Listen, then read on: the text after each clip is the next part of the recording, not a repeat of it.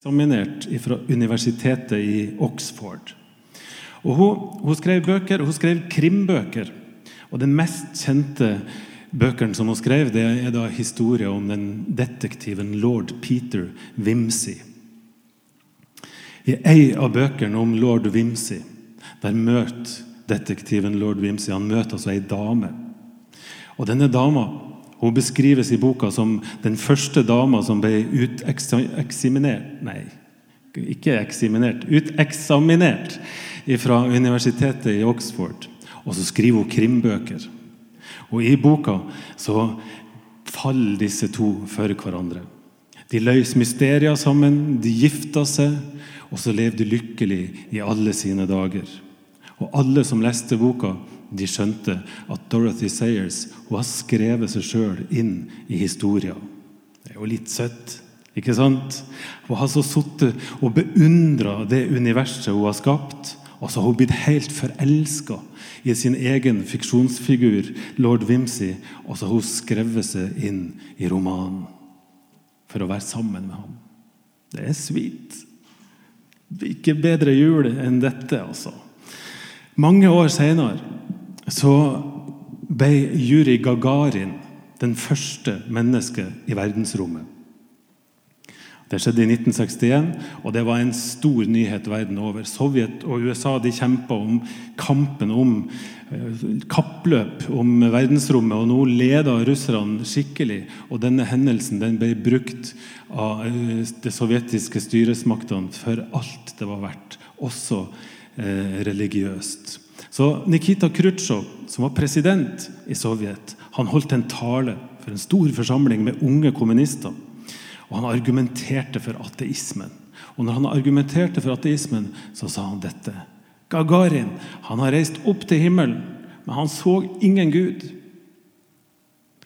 Dette ble et sitat som gikk verden over.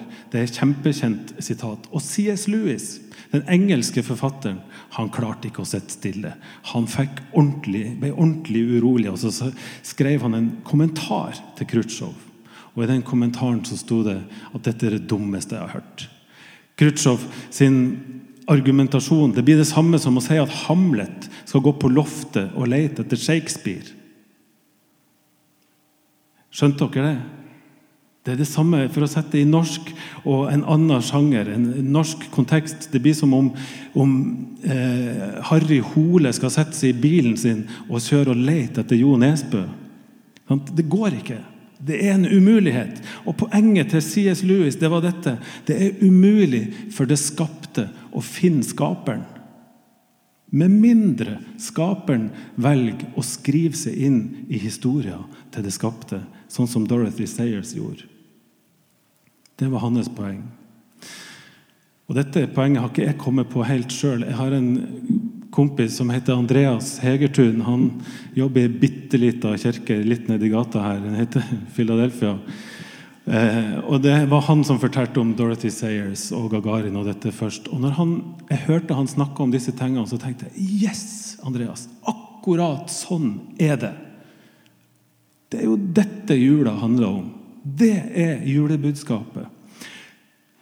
Siden syndefallet så har mennesket levd atskilt fra Gud. Men på avstand så har Gud sett på universet han har skapt, og beundra det han har skapt, og forelska seg i hvert eneste menneske så høyt at, når han, når, at han velger å skrive seg inn i historien. Altså når Jesus blir født i Betlehem, så velger Gud å skrive seg inn i vår historie, inn i vår fortelling. Han trer inn i det skapte, sånn at Gud blir mulig å finne. Det er juleevangeliet. Det er det vi er samla om her. Og Nå leste Mats juleevangeliet nettopp. Det var fint å høre. Det er en fantastisk historie. altså som de gamle profetene i Gamle testamentet de hadde profetert om dette mange ganger. Og Det var to kjennetegn de skulle se etter. Det ene det var at Messias Når Gud skriver seg inn i vår historie, så skal det skje i Davids fødeby Betlehem. Og det skal være en av Davids ett. Det er de to kjennetegnene. Og nå, nå har altså Maria, den unge 14-15 år gamle jenta, blitt gravid. Og så snakka vi forrige søndag om Josef som ikke stakk likevel, men som valgte å bli værende og sto, gikk ved sida av Maria sjøl om han visste at barnet ikke var hans. Og Josef og Maria de var av Davids ett, så det var greit. Det var ene av de to kjennetegnene de er sikra med, Josef og Maria. Mens det andre kjennetegnet, det var verre. For disse to bor altså i Nasaret og ikke i Betlehem. Så hvordan skal dette skje? Så er det sånn at verdens mektigste mann på denne tida, keiseren i Rom, Cæsar Augustus, han var glad i makt, han var glad i penger, han var glad i ryktet sitt, og nå hadde han fått en kjempeidé. Han hadde kommet på at nå skal jeg registrere alle som bor i det romerske riket, sånn at jeg kan kreve skatt av hele gjengen og få råd til å bygge riket mitt enda sterkere, og at jeg kan bli enda mektigere, og jeg har tenkt å bli huska til evig tid. Og for Cæsars idé om hvordan skatter og avgifter skulle kreves inn, hans idé om dette gjorde at Maria og Josef måtte reise til Betlehem, der slekta deres bodde, og der de kom ifra. Det var der de kunne skrive seg inn, eller logge seg inn på Altinn. Det var eneste muligheten. Det var sånn systemet funka. Og ironien tenker jeg, det er jo litt komisk at Cæsar Augustus, som ville bli huska for hvor mektig han var, han blir altså redusert til en liten fotnote i denne historien. Han ender opp som en liten prikk i historien om da Gud skrev seg inn i vår fortelling. Han blir den som la til rette for at profetien skulle bli oppfylt, også det andre kriteriet. Husker dere hvordan teksten starta? Det skjedde i de dager at det gikk ut en befaling fra keiser Augustus om at hele verden skulle skrives inn i manntall. Det var utgangspunktet. Så Josef og Maria de drar til Betlehem. Der blir Jesus født i en stall, lagt i ei krybbe. Og ute på markene denne kvelden så sitter altså noen gjetere og holder vakt over flokken sin.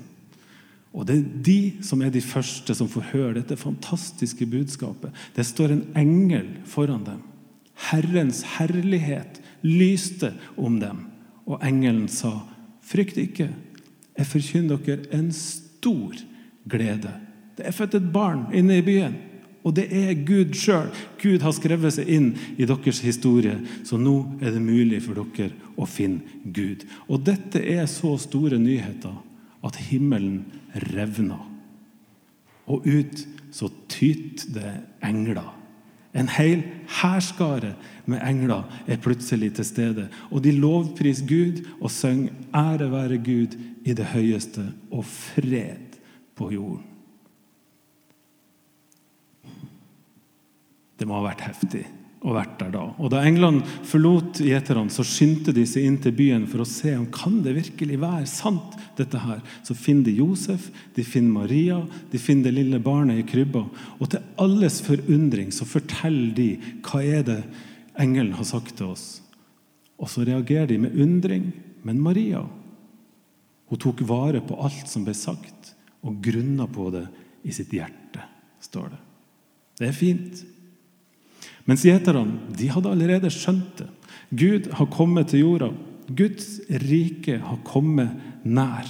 Så da de dro tilbake til marka og til sauene sine, så lovpriste de Gud etter alle kunstens regler. Det er juleevangeliet. Og jeg tenker som så at det er fort gjort å bli litt nærsynt. Det er fort gjort å tenke at livet det er, det er liksom her og nå. og Det er det vi ser, og det er det vi tar på, og det er det vi holder på med til hverdags. Vi har familien vår, vi har vennene våre, vi har jobben, vi bygger hus og vi bygger veier, og vi presterer på eksamen og vi lager musikk og alt mulig rart. Vi skaper masse ting. Og vi blir oppslukt av våre egne gleder og sorger og det vi skaper. Men jeg tenker at julefortell, denne julefortellinga den hjelper oss til å virkelig løfte blikket opp for å se noe mer enn dette nære.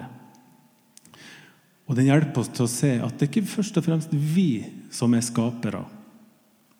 Men vi er først og fremst det skapte. Og det perspektivet der det har jeg prøvd å synke inn i meg denne uka her. Og når det synker inn i meg at vi er de skapte, så kjenner jeg meg nesten litt sånn hjelpeløs og maktesløs. Jeg føler meg litt sånn som Hamlet som skal lete etter Shakespeare, eller Harry Hole som fer rundt etter og leter etter Jo Nesbø. Det er ikke noen sånn artig jobb. Det er en umulig oppgave. Det er en umulig oppgave å finne skaperen, og det er en umulig oppgave i en sånn situasjon å finne tilstrekkelig mening med at vi er her. Og da tenker jeg at julebudskapet dere, det er verdens vakreste og fineste historie. Dimensjonene er så ufattelige. Det at en Gud som elsker oss, en skaper som elsker oss over all forstand, kommer til oss for å leve sitt liv sammen med oss og gi oss en grunnleggende mening med tilværelsen. Ja, det er ikke bare så stort at himmelen revner og engler er overalt, men det er så stort at det ble en hel tidsregning, en hel ny tidsregning for hele den kristne verden. Og dette er dagens budskap. Julebudskapet er så stort at det nesten er vanskelig å fatte. Det er nesten umulig å gripe tak i det. Men la oss nå bruke jula som ligger foran oss, å gjøre akkurat det samme som Maria gjorde. Ta vare på det vi har sett, ta vare på det vi har hørt, og så grunner vi på det i vårt hjerte. For det er noe med det som vi tar inn i hjertet vårt. Der er hjertets øyne som kan se noe som ingen andre kan se. La oss ta grunn på dette i håp om at hjertets øye skal få se at Gud han er jammen like nær i våre liv som han var i Betlehem på julenatt.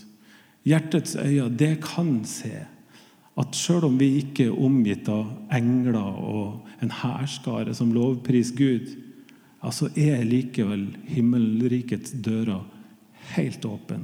Og Gud er der i vårt liv og i vår hverdag også i dag. Fordi Gud har skrevet seg inn i vår historie. Tenk det. Og nå skal vi snart ha nattverd. Vi skal bende spill, og vi skal kanskje synge sammen. Den mest skranglete og skeive versjonen av 'Glade jul' har jeg blitt lovt. Kanskje, Ja, jeg får tommel opp på det. Det er gøy. Eh, som jo er en, altså Hvor glad går det an å bli i kraftverket? Ja, Det skal vi nå få se. Når vi har sunget dette, det, da så skal vi ha nattvær. Og da tenker jeg at Gud er jo å finne på mange måter, også i våre liv og i kirka. Og nattverden er en av de måtene. Da er Jesus konkret til stede i brød og vin, og vi blir invitert til å ta imot han sånn. Men først glade jul!